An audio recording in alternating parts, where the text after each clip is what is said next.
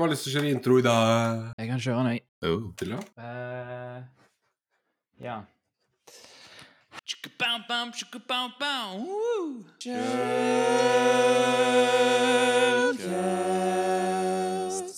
Hei og velkommen til denne episoden av Shellcast. eh, Episode 0x10, altså 17. episoden. Jeg heter Vetle, jobber som pentester. Du finner meg på Twitter som atbordplate. Jeg heter Melvin, jobber som Vi begynner der. Uff, vi, vi, er, vi, er, vi er der allerede. Eh, Jeg heter Melvin, jobber som pentester. Finner meg under uh, handlet Flangvik på Twitter. Hei, jeg heter Tobias. Jeg jobber som penetrasjonstester i den private sektor, og du finner meg på Twitter som iface-tobu på Twitter, hvis jeg ikke sa det. På Twitter.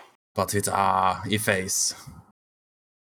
Tror du PFSense har en plugin for uh, Ubiquity? Bare sånn kontroller. Ja, typ at, du liksom kan, at den dukker opp i nettverkkontrolleren? At den kan submitte data, liksom? Det hadde vært nei, jævlig nice. Skal vi se. Mm, nei, For du har jo Ja, unnskyld. nei, den har ikke det. Men du kan ta og sende logg til la oss si, Elastic, sammen med Ubiquity også, eller Unify Stashet. Mm. Så får du alltid Elastic. Er eh, Ubiquity nettverksgrensesnittet open source? Kan jeg bare deploye det på Vox, kanskje? Ikke, ikke kontrolleren, men liksom uh, Du er jo ganske snille sånn sett. Skal vi se. Router firmware, liksom. Er det open source? Det er en ønsketenkning. Ja, eller i, i hvert fall så kan du jo sette ned sånn eh, automatisk updating, og da får du firmware installert på, eller lastet ned på kontrolleren. Da kan du hente ut derfra, da. Det går. Vil jeg tro. Ja, PFCS er egentlig bedre. Altså, Ubiquity er jævlig nice, men det finnes begrensninger. Det er ikke, alt, det er ikke absolutt alt du kan gjøre. Eh, og når du har PFSense, så kan du sånn, i teorien gjøre absolutt alt. da. Så kanskje jeg bare skal beholde det som en ruter istedenfor å Ja, for det gjør jeg. Jeg har en PFSense Ruter, og så har jeg eh, Ubiquity Switch og eh, AP. Mm. Mm. Det syns jeg funker kjempebra. Ja. Det funker med VLAN og hele pakken. Det er jo dritnice, da. Så jeg har jo ikke titta på Jeg har ikke konfigurert VLAN ennå. Alt er jo flatt hos meg, egentlig. Så det ble egentlig fordeler. Men eh, det begynte jo egentlig med at jeg kjøpte noen IP-kameraer fra Ubiquity. Eh, og det var kult. Men så skjønte jeg jo det at det hadde vært veldig kult å ha den der cloud-keyen som recorda og sånn. Så ble det en sånn, da. Of course. Så i den så var det jo en sånn nettverkskontrollgreie. Jeg bare, å faen, så fett det hadde vært om alle switchene mine hadde vært Ubiquity og Ubiquity Access Point, og så bare ja. Mm, nå har jeg bare Ubiquity switcher og Access Points og hele greia. Og det er jo vanvittig kult. Jeg vet ikke hvorfor, jeg skulle, hvorfor i all verden jeg trenger det på et flatt hjemmenettverk, men veldig kult. Jo, men jeg har, jeg har uh, lagt VLAN på mitt nettverk, så jeg har separert Jeg har tre separerte VLAN. Det ene er liksom mitt uh, hovednettverk for liksom PC-en og Mac og sånne ting. Så har jeg et for, uh, for IOT-stuff. Så liksom alt det høyttaler og drit som ikke trenger internett, det er på IOT, og det har ikke internett. Og så har jeg et for liksom gjester. Det funker dødsbra med én AP. Jeg har den Ubiquity AP Light something. Ja, Samme som jeg kjøpte. Ja, stemmer.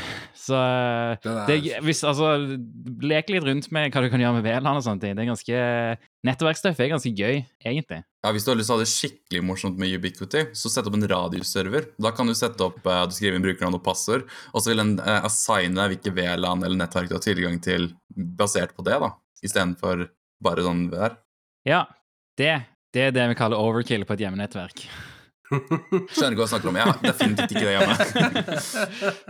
det, er- det, er det da mannen som på dødelig prøver å få eh, Telenor til å tilegne dem IPv6, som snakker om overkill på nettverk? Uh, er det meg det hentet nå? Og excuse ja, me, det var Get. Det var Get. Som jeg satt i en halvtime med på telefon, der hun i andre enden lovte meg at eh, IPv6 kom til å funke, og så viser det seg etter en halvtime og kontakt med IT hos Get at nei, de tilbyr ikke Get på det, nei, IPv6 på det gamle modemet jeg hadde. Ah, Wow, sjokkerende! Nei, da, bare- men, eh, men jeg er egentlig veldig fornøyd med det. Før på PFSense så kjørte jeg jo Jeg har jo en ganske bøs ruter som jeg har satt sammen selv og flasha med PFSense. Og den har jo fire uh, Hva skal jeg si? Jeg er usikker på om det er Det er vel gigabit-port-utgangen på baksiden. Uh, så jeg har jo forskjellige subnets. Altså Før så hadde jeg en til en til huset, en til kontoret, en, en dedikert til IPTV-en, og så vann. Mm. Men så slet jeg med å sette opp brannregler for å snakke på tvers av subnettene. Selv om Mm. alt skulle fungere, så jeg endte opp med bare å gjøre det flatt. da. Så jeg får heller prøve meg med VLAN på switchen på Ubiquity istedenfor. Som det fungerer bedre. Hvis du sliter på høyt nivå, så la oss bare gå enda lavere, så kanskje vi løser det. Ikke sant? Teknisk sett. Men ellers så virker Ubiquity kongebra. Jeg håper jo at de kommer med flere sånn smarthjemløsninger etter hvert. I, I would literally kill for en Ubiquity uh, smoke detector. Men hvordan har du satt det opp nå? Har du, du har bare satt det opp platt på en måte hjemme hos deg? Du har ikke gjort noe spes med det, du har bare satt det opp, liksom? Nei, så jeg har en sånn 60 watt eh, 8-port power-switch inne ved ruteren, som fordeler strøm ut til en switch i kontoret mitt, som, er, som går på poet, en switch ute i garasjen som går på POE, eh, access point som går på POE, og så da to IP-kameraer ute i garasjen da, på den switchen. Mm. Så det er en sånn passiv switch. Så jeg har lekt en del med POE for å fjerne strøm og sånn, så det har egentlig vært veldig moro og lært en del. Eh, for jeg har ikke lekt så veldig mye med nettverksgreier fra før, i hvert fall ikke på fysisk laget. Det har vært kjempemoro. POE er supersexy. eh. Det er supersweet. Ja, min Ubiquity Switch har POE. Altså, du forklarte hva det var, gjorde du det? Power over Ethernet.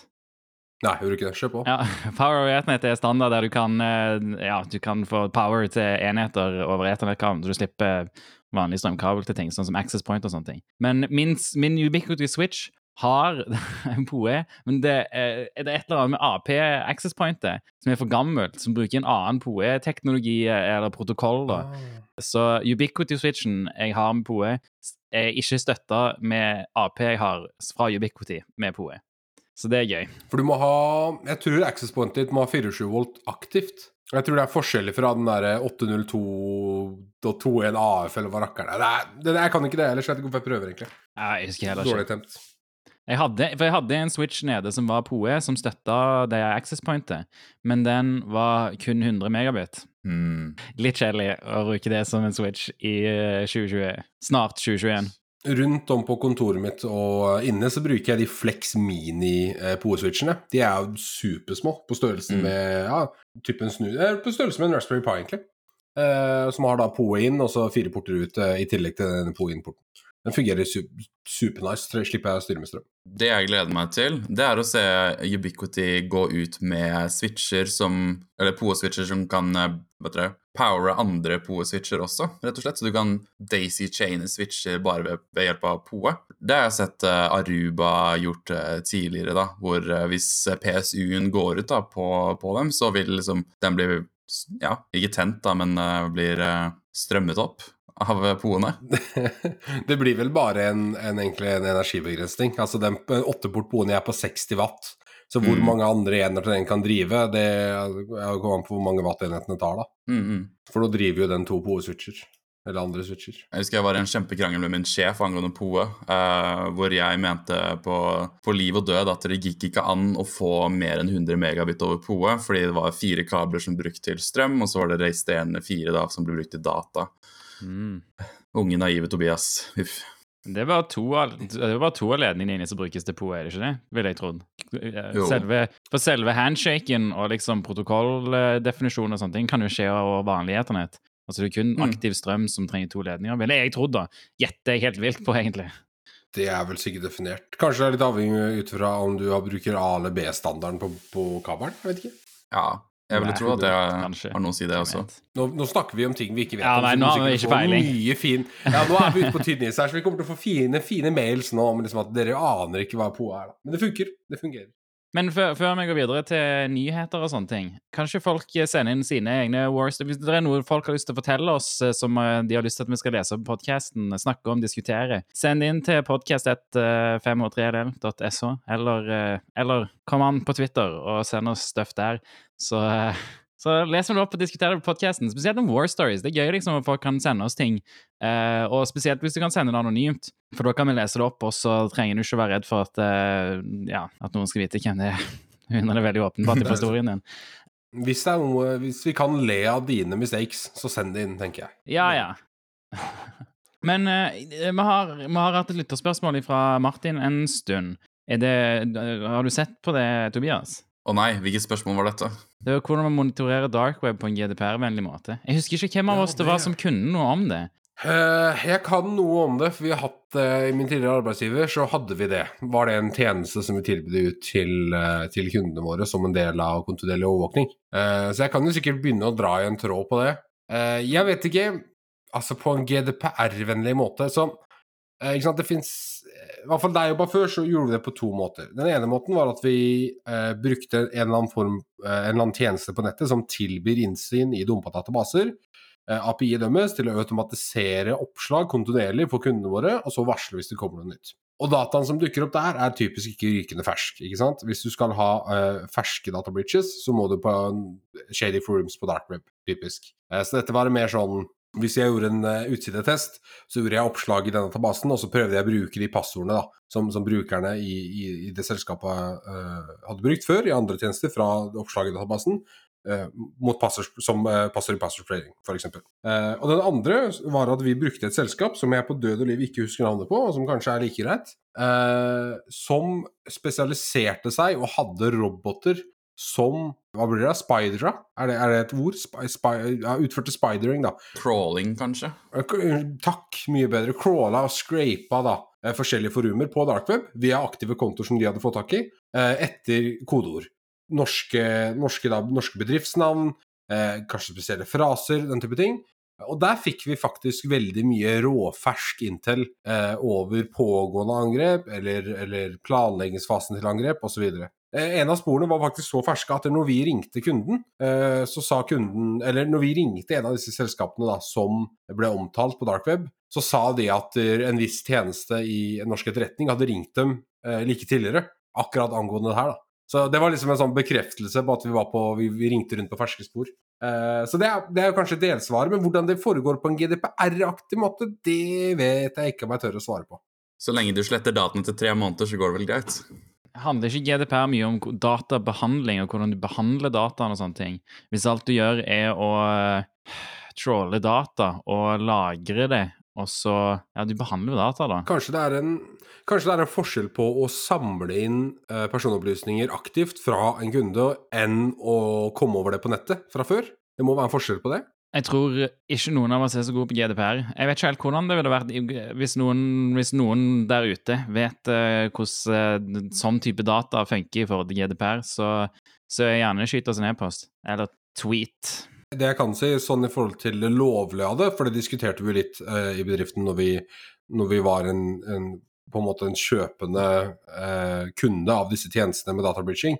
Så sant informasjonen er der, og vi kan på et eller annet nivå si at informasjonen er offentlig, og det er den. Altså Hvis informasjonen dukker opp på en av disse databridge-sidene, så har informasjonen blitt offentlig, og vi har derfor ikke noe lenger, lenger noe moralt knytepunkt eller noe, noe, juridisk knytepunkt på at det er ulovlig for oss å lese informasjonen. Jo, men jeg vet ikke om det er noe med det, altså Hvis det er et databridge, så kan det være personlig informasjon i databridgen. Hvis du behandler den dataen, går det under GD, må du ha konsent fra personen sin data som har lekka, for å bruke den. Altså behandle den for å du automatiserer jo og går gjennom liksom, hvem, ja, jo, hvem har blitt breacha, og så er det jo et eller annet som behandler liksom hver konto i en breach. Er det, er det noe som går som, som er liksom GDPR-uvennlig?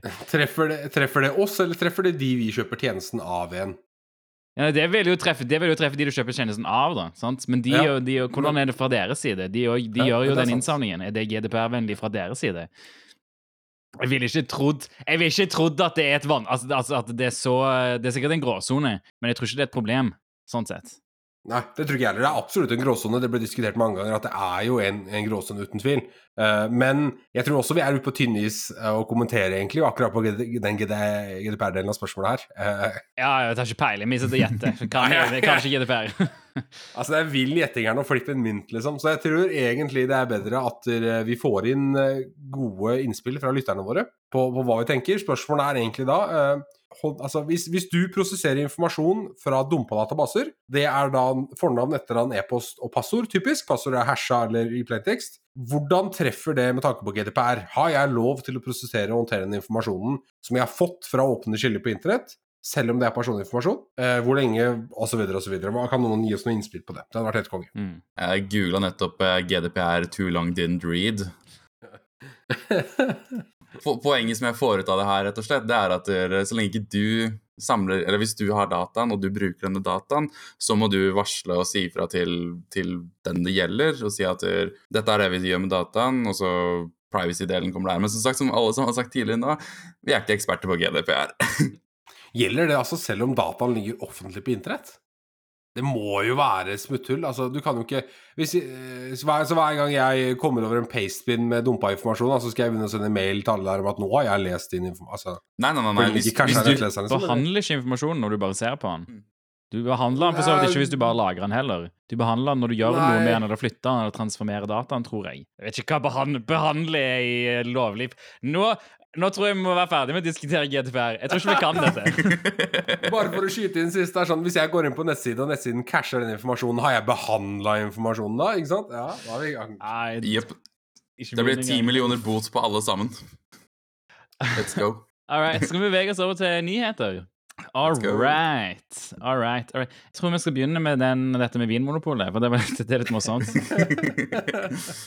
Nå flytter jeg skal bare drive og flytte her i, eh, i shownotes, for det, det var ikke Vinmonopolet som var først. Og tittelen her er da at Vinmonopolet skjelver i buksene etter DDoS-angrep. Ja, så nå husker jeg ikke helt datoene, for dette la vi egentlig inn, eh, inn for en stund siden, siden vi ikke hadde podcast forrige uke. Eh, men eh, Vinmonopolet hadde blitt DDoSa i eh, ja, en eller annen- en torsdag, en eller annen forrige uke.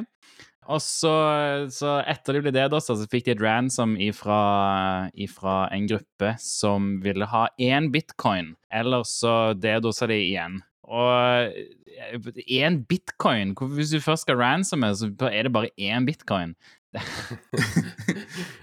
Jo, det er jo Ja, det er klart det. Jeg vet ikke Vinmonopoler er viktigere enn én bitcoin. Det er egentlig det jeg prøver å si nå. ja, det er så sykt viktig med Vinmonopolets nettside. Det er derfor jeg eh, er, Hele tjenesten til Vinmonopolet er kun på nett. Uff.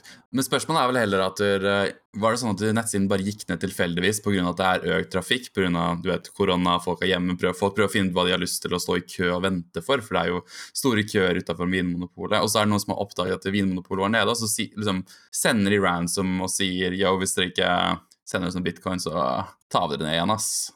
Det er egentlig det jeg sitter og lurer på.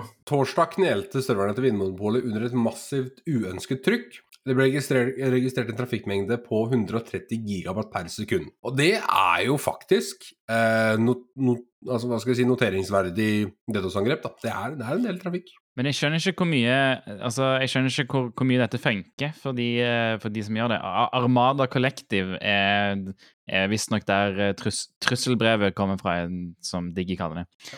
Men jeg skjønner ikke at de tjener så mye penger på det. At det, liksom, at det er så lukrativt at de kan drive og dedose bare nettsidene til folk. Det er åpenbart at de ikke gidder å se på hele infrastrukturen til Vinmonopolet for å se liksom om det er noe bedre der å angripe. De bare, de bare angriper liksom nettsiden, og så, og så er det det. Tjener de nok på det? Er det ikke bedre å gå liksom litt dypere og se på hva slags andre tjenester de kjører? Jeg tenker vel egentlig at denne gjengen her er en gjeng som sitter på et større botnett, og som på best mulig måte ønsker å monetize eh, botsa. Eh, hadde de hatt norsk, nok teknisk innsikt, så kanskje de hadde begynt å sette dypere på, på Vinmonopolet sin infrastruktur.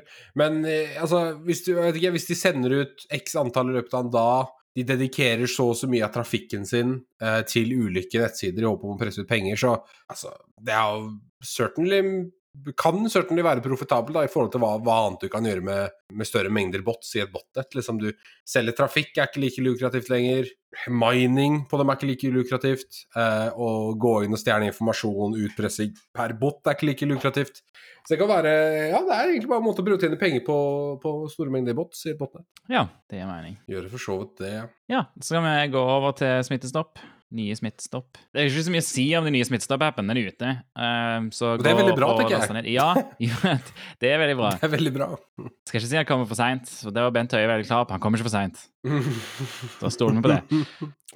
Men, men det er kjempebra. De, den er ute. Det er, ikke, det er egentlig ikke så mye å si om den. Det ser, det ser bra ut. Han bruker det nye rammeverket til Google Apple. Det er GAN som eh, det er forkorta til. Så det er veldig tipp topp. Det er ikke noe privacy stuff som jeg har lagt meg eh, merke til, i hvert fall. Jeg leste gjennom personvern-guidelines til, til FHI på den appen. Og mye av det leses som de ikke har forstått hva de skal lage personvernerklæring for. De, er litt sånn, de bare skriver masse greier for å beskytte seg, tror jeg. Det var, jeg vet ikke, jeg bare syns Det leste ikke som en vanlig personvernerklæringsgreie. det var som om noen har lagt inn unødvendig informasjon. Jeg husker ikke helt. Det, det, det er et par dager siden jeg leste det. Men jeg bare beit meg merke i at den var rart. At den var rar. Kort fortalt så er i hvert fall ikke Smittestopp 2 uh, ræva. Altså Det er en helt annen applikasjon enn Smittestopp 1. Uh, som du sier, Den er bygd på ordentlig rammeverk. Den tar faktisk hensyn til uh, privacy. Jeg har installert den uh, og kjører den. Så jeg anbefaler egentlig Ja, ja. ja jeg, kan gå som en, jeg kan gå som en frontline her. Jeg har gjort det, så derfor burde dere gjøre det òg, uten tvil. Men, helt seriøst, Smittestopp 2 er ikke ræva lenger. eller har jo ikke vært ræva heller, for det har aldri vært en Smittestopp 2. Men den er vesentlig bedre enn Smittestopp. en helt annen verden. Det eneste som jeg syns er kjipt, at FHI fortsatt mener at den første Smittestopp-appen nekter å liksom ta imot og bare legge seg flat på kritikken for den. At de fortsatt mener at de leverte liksom kvalitetsjobb. Eh, det, er litt sånn mørkt. Kan vi ikke bare ta den kritikken, spise den, svelge den, og så la den ligge død, istedenfor å liksom nekte å, ta imot det her? Ja, Det som var veldig bra først, da, altså med den første Smittestopp-appen, var at det, var, det gikk kjapt. De var kjapt ute og lagde den og sånne ting. Men det var, det var bare de hørte ikke på feedback. Altså, for, Vi kom liksom er Sikkerhetsmiljø, ikke med men sikkerhetsmiljøet kom med feedback, og og sa ifra at det funker ikke sånn. At du, altså, du nødt til liksom gjøre det ordentlig. Du kan ikke ha denne måten å gjøre det på, er ikke personvernvennlig. Og så hørte jeg ikke på noen, og så ba ga den ut likevel, og så uh, fikk Jeg, jeg syns det er kjempebra nå at uh, den outcryen som sikkerhetsmiljøet hadde, uh, og kom liksom ut i, i vanlige medier, sant? VG, NRK, Aftenposten og alle disse her, så folk hørte faktisk på hva datasikkerhetsmiljøet hadde å si om om den happen, og uh, det er jo noe av downfallet til hele greiene. Um, pluss at de, ja, ja, det, så, så, jeg syns det er veldig positivt at, eh, at, eh, personvern faktisk kom fram her, og, og, at de gjorde shit i personvern, tok de ned. Og det setter en god president for fremtiden òg, egentlig. Men nå som smittestopp, eh, den nye Smittestopp-appen er ute, og de gjør det riktig, så er det veldig viktig at vi òg snur, og vi sier OK, nå ser vi at dere har gjort det riktig, og da, da er vi med. Da anbefaler vi òg Da er vi positive til den appen. sant? For nå kanskje vi var negative igjen, og kanskje vi kommer sånn ah, men personvernerklæringen er ikke godt nok, og ja, sånn og sånn og sånn. Det, det, er så, det, er bra. Det er et godt stykke arbeid, og det er fint at uh, de snudde og uh, gjorde, gjorde så, som vi ville. Smittestopp er topp. Oi. Wow. Yeah. Smittestopp er topp. det, det så, er, så skal det jo sies at uh... Kandidat. Tittelkandidat, fuck it, yes. Og det er hele dette med at de nå har releasa appen som et open source-prosjekt. Så hvis du har innvielser eller tekniske eh, tilbakemeldinger å komme så kan du gå på GitHub Repo, så kan du åpne en issue eller komme med en pull request eh, hvis du har lyst til å gjøre endringer. Og det er kjempebra. Det er en åpenhet som vi ikke har sett eh, tidligere. Absolutt. Mm. All right. Skal vi bevege oss videre til Sol SolarWinds? Nå, nå, føler jeg SolarWinds begynner å bli litt gammelt, uh, gammelt nytt her. Uh, men uh, jeg la dette inn før forrige uke, så excuse me. Men ja, Microsoft har, Microsoft har lagt ut sin egen bloggpost om ja, sin analyse av Solorigate, the compromised DLL file that started the sophisticated cyber attack. Uh, og det er en lang og god artikkel der Microsoft skriver om hvordan ting har funka, hvordan, uh, hvordan, mye av koden har funka, og uh, hvordan bakdøren har funka, hvordan du kan beskytte deg. og Det er en lang artikkel med masse greier for både Blue og Red Team. Så jeg anbefaler sterkt å lese den. Jeg husker ikke nøyaktig hva de skriver, og hvordan alt funker, så jeg skal ikke gjenta det her. Men en av de tingene som er morsomt, er at på slutten av artikkelen så skriver de 'additional malware discovered'. Og uh, det viser seg at uh, uh, de, fant, de, fant, en bakdør fra en annen trusselaktør som de ikke har navngitt her. Så vi vet ikke helt hvem det er. Men det er veldig gøy at det samme softwaren her har blitt compromised av en helt annen trusselaktør. de har begge to funnet en vei inn. Gøy at de ikke At de ikke krasjer helt, da. At de ikke overskriver samme DLL-ene med sine malicious payloads. Kunne du, for de som eventuelt har bodd under en sten i jula og ikke har fått med seg eh, supply chain attack-delen her, eh, kunne ikke du bare tatt, gitt en sånn to minutt roundup? Jo, det kan jeg gjøre. Jo, så uh, SolarWinds er et selskap som, uh, som, gir ut noe software som uh, er noe analysegreier, trafikk hva, slags, hva, er det for noe? Hva gjør den egentlig? Hva er softwaren for? Det er noe sånn nettverksanalyse. Det går for det meste i nettverksmonitorering, men så har de også veldig mange andre programmer da, som gjør forskjellige ting. Ja. Type IPAM-løsning, bla, bla, bla. bla. Ja, men så den er uh, nettverksanalyse-softwaren som mange uh, bruker, den oppdateringsmekanismen til den var på en FTP-server som hadde passord SolarWinds123 for å endre binaries der. Så det eh, russiske trusselaktører gjorde, det var at de bare logga inn på den jævla FTP-serveren og signa sin egen kode, og eh, lasta opp eh, det som en ny i hermetegn oppdatering, eller adda det på en, en tidligere oppdatering på den FTP-serveren. Fucking dust, ass, å ha SolarWinds 123 som passord. Åh, det frustrerer meg så hardt. Men ja, så det er det. Eh, så Microsoft og mange selskaper da ble ble backdoora av, av, dette, for mange bruker Hva var det, 180 000 selskaper som bruker SolarWinds, eller noe i den duren?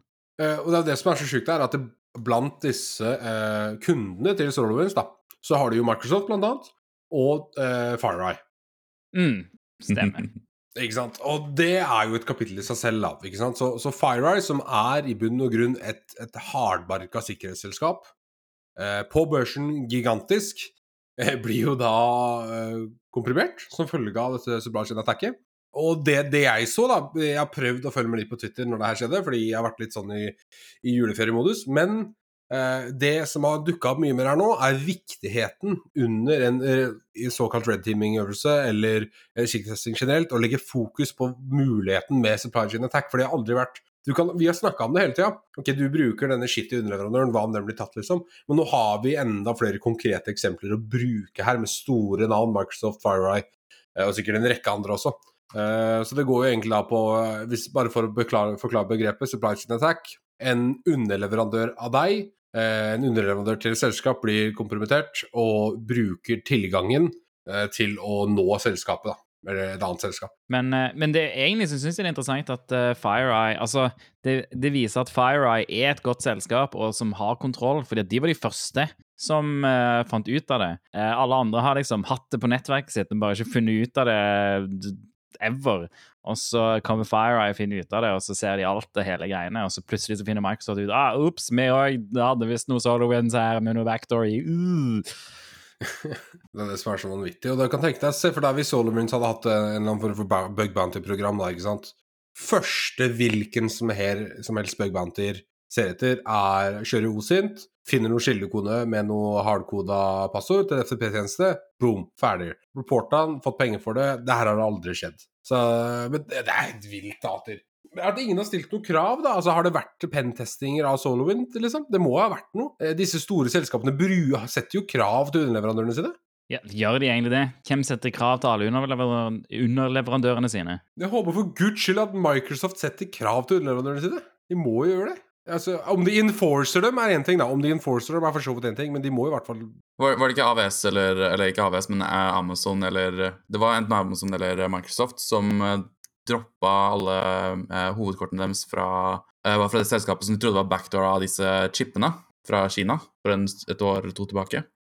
Det Bloomberg Det var det Bloomberg-greiene som aldri viste seg å være sant? Ja, det er Bloomberg-opplegget. ja, det som de aldri viste noe ordentlig kilder på, eller noen ting. Mm -hmm. Droppa ikke nor nor norske, eh, norske, faktisk, droppa ikke norske, norske militære og sånn med Huawei-ruter og sånn? Huawei-utstyr? Jo, det tror jeg. Men det er kanskje, kanskje bedre begrunnelser.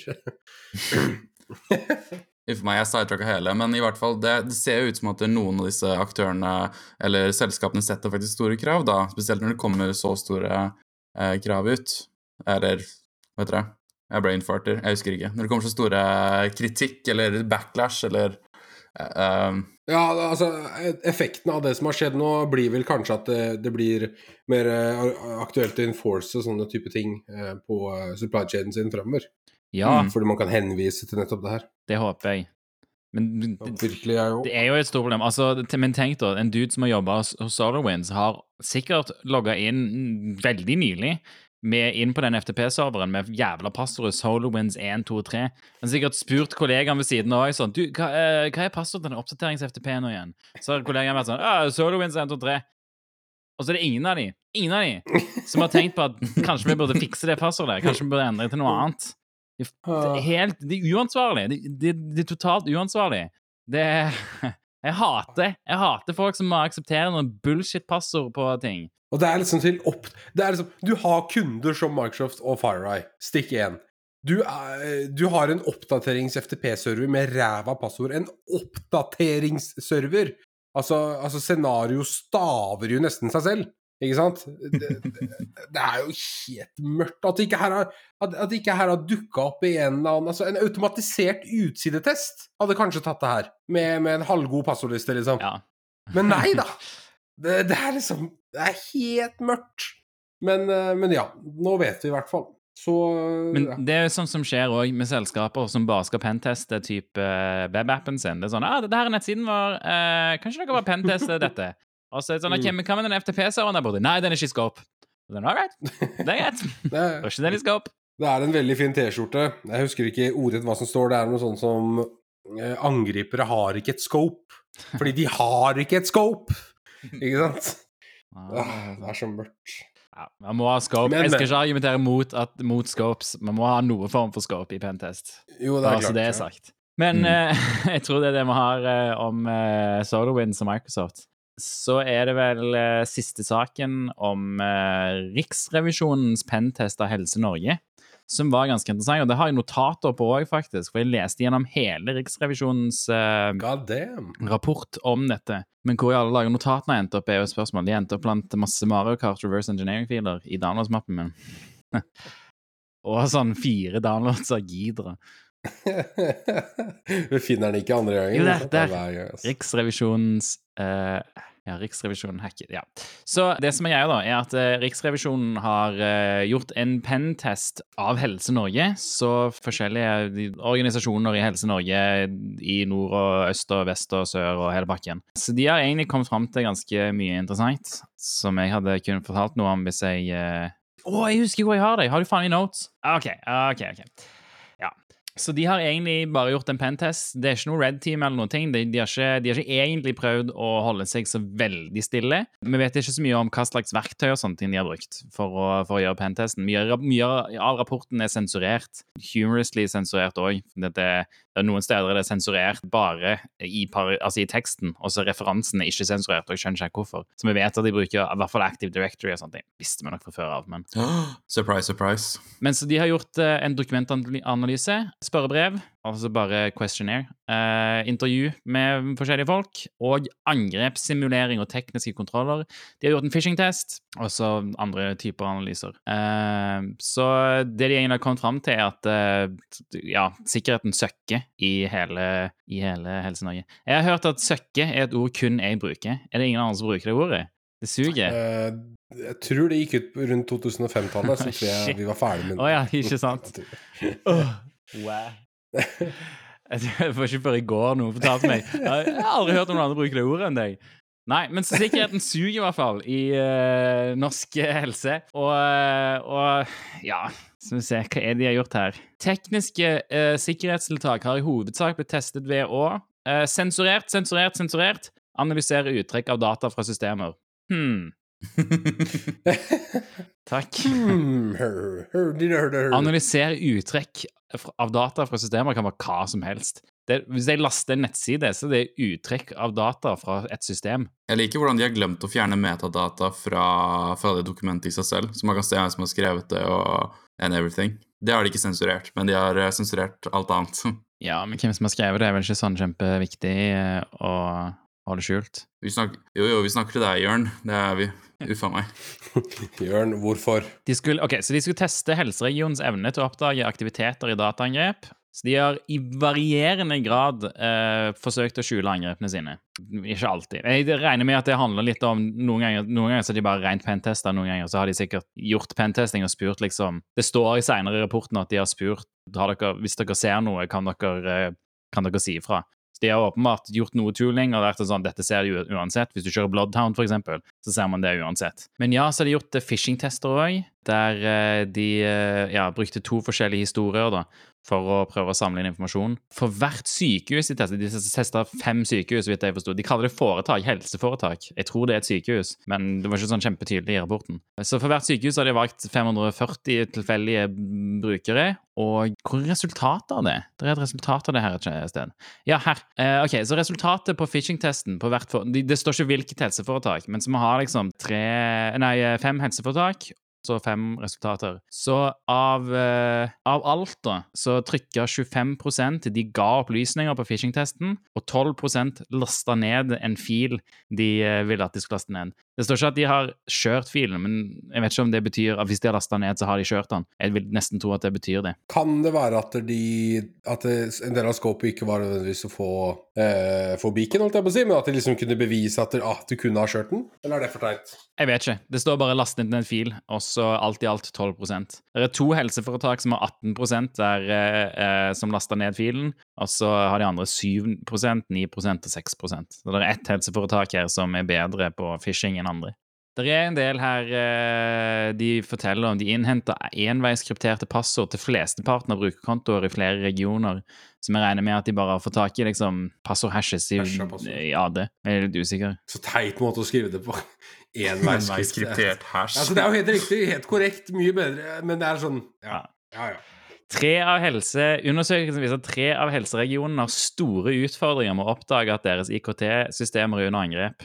De sier at det, det blir ja, generert mye nettverkstrafikk, og det vet vi, det blir det i en pentest hvis du bare kaster deg rundt og gjør absolutt alt. Så de sier de har benytta kjente angrepsverktøy med standard innstillinger. Jeg mener, De er jo vant til at systemene går tregt uansett, så jeg mener eh. Men så, men så det jeg fikk inntrykk av å lese rapporten, nå, er at eh, de har For de har ansatt ganske mye nye sikkerhets, informasjonssikkerhetsfolk og sånne ting, og det har de gjort eh, en god stund. Men så jeg får inntrykk av at intensjonen er veldig god, og de ønsker å ha god sikkerhet. Det er bare at eh, jeg tror ikke de kommer helt gjennom, de som jobber, jobber sikkerhet. Og de har liksom, de har ukentlige møter, og de har ting som, som er liksom Ja, de, de, det virker som de gjør det riktig, da. Og de, de spurte òg noen av disse spørrebrevene, som de kalte det, var til eh, informasjonssikkerhetsledere. For de har egne posisjoner som er liksom SISO-type rolle, og, og de føler seg eh, Ifølge, ifølge dette spørrebrevet, nå, så føler disse SISO-folkene seg eh, hørt i møter, og de føler de får gjennom det de skal. Så det virker som det er en intensjon om å gjøre dette riktig. Det er bare det er et eller annet i veien som stopper det. Og denne rapporten gjør det jo e- nok mye enklere for dem å få gjennom det de vil. Så, så det, akkurat nå så dette er jævlig. Dette er jævlig dårlig. Eh, men jeg tror, eh, jeg, tror det blir, eh, jeg tror det blir mye bedre framover, og denne rapporten her kommer til å hjelpe. Oh yeah. Veldig mange kundene som jeg har hatt med å gjøre også, ønsker jo spesielt på eksterne penetrasjonstester, ønsker jo egentlig bare å få juling. Så de har noe konkret de kan legge fram når de ønsker et større budsjett, eh, flere Ja. ansatte, mer kompetanseheving, ikke sant. Det har jeg òg hørt flere ganger. Ikke sant, Typisk så er det ikke nødvendigvis dårlig ledelse, da, men en, en lite opplyst ledelse som ikke ser problemene i det her, og som ikke tilegner ressurser til det. Mer enn det er at de, de på sikkerhet eller de i IT-teamet ikke er klar over det. da. Sikkerhet. Vi har jo sterke passord å bruke 2FA. Vi er jo sikre. Stemmer. Faktisk sikrere enn Stortinget. Hei. Bare sånn sidetrack, det har faktisk kommet fram nå at Stortinget ikke hadde tofaktor. Det er liksom bekrefta. Så det, det er jo også litt sånn, ja Det er kleint altså, å måtte gå ut og si sånn eh, eh, hadde ikke noen faktor! Det er kleint, ass. Det er faktisk ikke greit på veldig mange nivåer. Det, ja, nei. Det vil altså si at jeg beskytter eh, en eller annen ræva konto på et eller annet forum jeg har, bedre enn Stortinget beskytter kontoene sine. Tenk på det, folkens. Tenk på det. På det! La den synke inn. Å ja. Ja, eh, jeg skal forklare. Riksrevisjonen, hvis ikke, hvis ikke noen vet hva det er for noe, så skal jeg bare si nøyaktig hva de sier på nettsiden sin. Riksrevisjonen er Stortingets største og eldste kontrollorgan. Gjennom revisjon av regnskap og undersøkelser sjekker vi hvordan regjeringen og eh, statsforvaltningen gjør jobben sin. Så det er rollen til Riksrevisjonen, og derfor gjør de en pentest. Men det er, jeg er litt usikker på hvem som har gjort pentesten. Er det de sjøl? Har de pentester, og gjør de ofte pentester? Nei. Står det noe om hvem som har utført det? Ingenting? Nei, ikke som jeg kan eh, huske å ha lest. Jeg eh, så ikke så veldig etter det. Jeg bare så liksom på fronten og sånne ting, og alt har logoen til Riksrevisjonen og, og hele pakken. Så det ser ikke ut som det er noen andre som har gjort det. Det ser ut som det er gjort inhouse, men jeg, eh, har de inhouse pentestere? Uh... Eh, Hvis, hvis, de har, mye gode spørsmål hvis, de, hvis de har det, så er det en veldig bra investering, vil jeg si. Men jeg tviler. Ja, altså hvis Riks... eh, Nå er det vel NSM gjør mye av pentesting for, uh, for norske tjenester. Men hvis Riksrevisjonen tar over det og bare gjør det på løpende bånd for alt norsk, uh, så er det sikkert en positiv utvikling. Mm. Tar inn noen lærlinger to ganger i året you know, Her har dere Kali Linux og Discord, så nå kan dere kose dere. Jo, men det hadde vært dødskult hvis Riksrev... Altså, fordi at eh, det er litt uting at NSM skal drive og gjøre pentesting, eh, og at det ikke skal være åpent, da. For nå som Riksrevisjonen gjør det, så er jo alt åpent. Vi kan jo sitte og lese rapporten.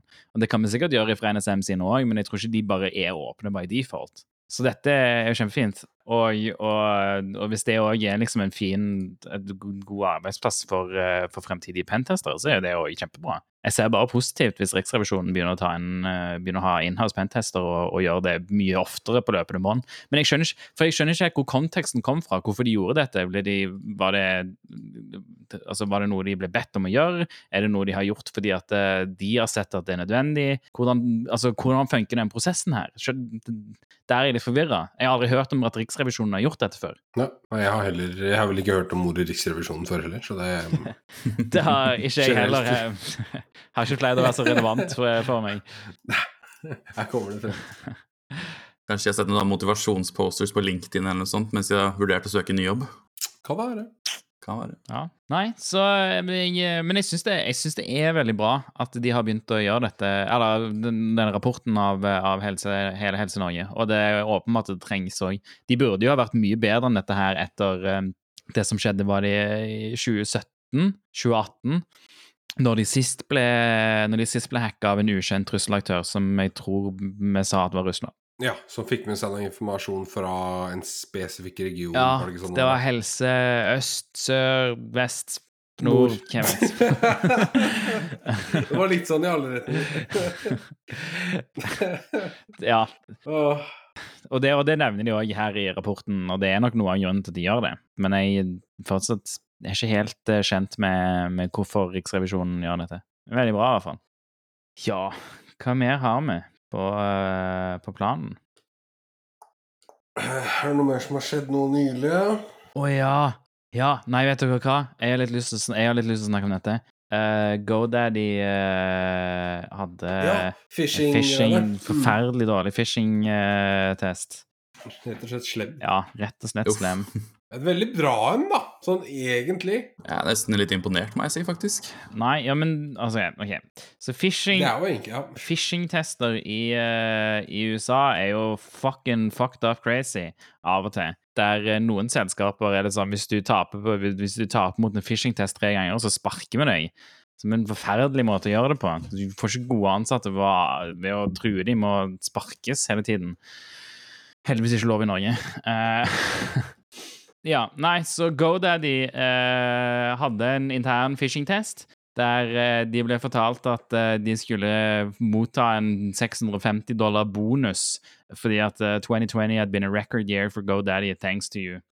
Og folk som gikk inn der og trykte på den, ble ja, tatt i at de gikk på phishing, da. Men det er sånn uetisk phishing-test å gjøre. Du gir folk glede. Du sier liksom ah, ah her, får du, her får du noe, og vi gir deg det. Og det er jo en intern phishing-test òg, så de vet det. Jeg er jo enig i at dette er en moralsk stygg test, ikke sant? Men det er jo en veldig bra phishing-test, for det er akkurat noe sånt noe en angriper kunne ha gjort. Ikke sant? Sosia altså En form for sosial manipulasjon der du utnytter dette at du ønsker at du trenger en en, en eh, bonussjekk, da. Det som er fælt er at de gjorde det eh, og ikke ga Altså, hadde de gjort dette og faktisk gitt det bonussjekk, så hadde jo all vært good. Da hadde du fått veldig mange glade ansatte, og du hadde fått fisha dem. Det er, det er jo insensitive, som de skriver her. Uh, ja. Level of cruelty, stunning and insensitive. Men fordi, men, ja, det er det det heter. Du skal ikke, det er en jo, jævla bra du skal, ikke, du skal ikke gjøre, du skal ikke gjøre uh, det til en del av jobben. Altså, det skal ikke være en standarddel av jobben at du mottar mail som er liksom sånn ah, Ja, du får bonuser og sånne ting. Uh, du, jo, du, skal gjøre phishing-test, og, og, jeg tror ikke dette her er den beste måten å få folk til å være uh, på det. Du, du, må approache det på en helt annen måte. Folk forstår ikke sikkerhet, og de truer dem med at hvis du ikke gjør sikkerhet ordentlig, så sparker vi deg, eller eh, vi gir deg ikke noe. Du, eh, du, må gjøre det på en ordentlig måte. Du må fortale, eh, Nå kan ikke jeg hvordan man gjør dette, men det kan åpenbart ikke gå der de heller, for de har ikke sett seg rundt på hvordan vi skal gjøre det riktig. Jeg sier bare at det finnes riktige måter å gjøre dette på. Dette her er feil måte å gjøre det på. Og hvis du ønsker å gjøre en phishing-test internt, søk deg rundt på social engineering-forum og sånne ting. Søk deg opp hva er reglene for en god phishing-test. Hvordan gjør man det for å belære, og at man ikke eh, emosjonelt straffer noen for å eh, for, for, ja, for det. Så, eh, så, jeg vet ikke nøyaktig hvordan man gjør en phishing-test, men eh, hvis ikke du vet heller, så bør du kanskje ikke gjøre en phishing-test.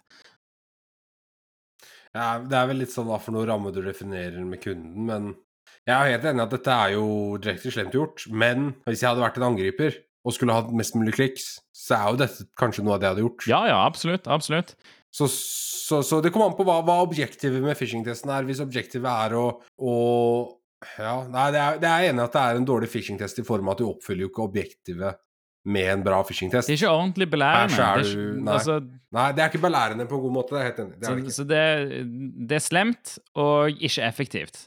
Så da er det ikke vits å gjøre det. Da det, det finnes bedre måter å gjøre det på. Sant? men- jeg, jeg er helt enig at det ikke er belærende på noen som helst måte. Som Det er det.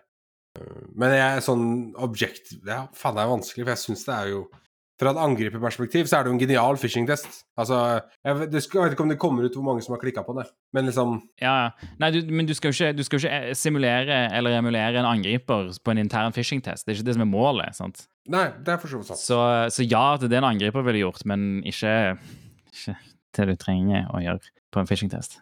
Nei, jeg, jeg er litt tårn her, jeg må innrømme det. Jeg er helt enig at det er umoralsk, at det er slemt å gi mange tusen ansatte gode forhåpninger om en, om en bonussjekk som du sikkert trenger i et hardt år. Men du, på, på en måte så kan du si at du eh, belærer de ansatte hvor slemme phishing-kampanjer faktisk kan være, da. Ja, Altså Nei, ja, ja, det er vanskelig. Jeg har nesten så jeg ikke har lyst til å snakke om den, for den er, den er liksom Ja, den, jeg syns det her jeg, jeg, jeg synes det er en møkkatest, rett og slett, men eh, ja. Nei. Alt, den er altfor grå, rett og slett. Jeg kommer, jeg kommer litt eh, Den er uansett for grov, men, jeg, men sånn i forhold til om han oppfyller det han skulle gjøre, så er jo det helt avhengig av hva du ble enig med kunden om, egentlig. Men eh, ja, nei, nei. Ja da. Ja, men eh, ja, men nei, altså Men du vet heller aldri. Eh, jeg tror Tinkersec på Twitter eh, nevnte dette som et poeng en gang. Du vet liksom aldri hva som skal tippe noen over til å, til å ta selvmord, eksempel. Og, og derfor så bør du heller ikke sende noe som gjør at eh, noen kan tippe over. Du tenke, når du en, når du sender en phishing-test, bør du tenke hva er dette noe som kan gjøre at noen tipper over? Og hvis du tenker det, så er det gjerne ikke så smart å sende den typen phishing. Da, man, da går man for en annen approach. For du vil heller ikke ha det på Altså, hva, hva gjør du om du får det på deg? Jo, jo, men la, la meg si det, at dette er en kommersielt sett veldig dårlig phishing-test. Men vi, dette er en kommer, ikke-kommersiell, veldig bra phishing. Ja, jo, jo. Ja, ja, jo, jo, sant. Men Men ja, jeg er jo helt enig i at det, det er jo uforsvarlig, men Så for eksempel, hvis noen av disse tenker at de får 650 dollar bonus, så, og så bruker de 650 dollar med en gang på et eller annet de hadde lyst på, og så tar de det på kredittkort og sånt, hvem, hvem, tar, eh, hvem tar det, liksom? Eh, Poenget med phishing-test er jo litt å lure noen. Så hvis du har lagd noe for å lure noen, og de tar action basert på det, og så er det egentlig bare en test, hva, hva gjør du da, liksom? Nei, nei, nei. Som sagt, det er kommersielt dårlig phishing-test. Um, nei, jeg syns den var vanskelig, men ja, nei. Det, er- det er jo ja. Hadde de Jeg tenker jo Hvis de hadde lyst til å fremheve eh, phishing-testen i form av hvor, eh, hvor ondskapsfulle de kan være, så skulle man, hvis, og brukt dette her, da, eller noe tilsvarende, så skulle man jo faktisk gitt de en bonussjekk, hvis du skjønner hva jeg mener. Da skulle det ikke, ikke vært en downer på at det ikke var det. Ja, Da skulle det bare vært 'å, du klikka, det var dumt'. ja det hadde vært kjempebra. Faktisk. Ja. Skjønner du hva jeg mener? At de, at de hadde, for da hadde de fått gjennom insentivet om at dette er så slemme kan phishing-kampanjer være, men slapp av, dere får faktisk bonus. Men liksom at det, det, det hadde kanskje vært en, eh, en mellomting, da. Det høres, ja, det syns jeg høres, eh, det høres mye bedre ut. De får jo bonus, og det er en phishing-test, og du kan på en måte kombinere det. Da får du gjort det slemme sammen med det snille. Ja. Det høres veldig, veldig svart-hvitt ut her, men uh... ja, men det, jeg, jeg, liksom, jeg må stå over at det sånn på, rent på papiret, hvis jeg hadde vært en Skjønner at når du gjør en intern phishing-test, så er, setter du deg ikke nødvendigvis i mindseten en kriminell, da. Men hvis jeg var en kriminell som skulle få tak i GoDaddy creds, så hadde det her vært en, en konge-phishing å sende. Ja da. Ja, absolutt. Nei, det er, hvis de hadde gitt pengene, så hadde det kanskje ikke vært eh, like ille, da. Men uh, ja, nei, jeg er jo enig. Eh, jeg er enig. Men, men Nei, men eh, det er supert. Det, jeg tror vi kan runde av for eh, i dag. Så Ja, Hvis noen har noen bidrag eller spørsmål, noen kule war stories vi kan fortelle, kunne tenke deg å være gjest, uh, alt dette her, send oss en e-post på podcast etter 5h3ll.sh, eller at oss på uh, at 5h3llcast på Twitter. Altså Shellcast i sånn halvveis litspeak. Ja, takk for at du har hørt oss skravle. Vi nyttes igjen neste uke, som det står i manuset. Vi snakkes! Ha det bra. Yes, nice.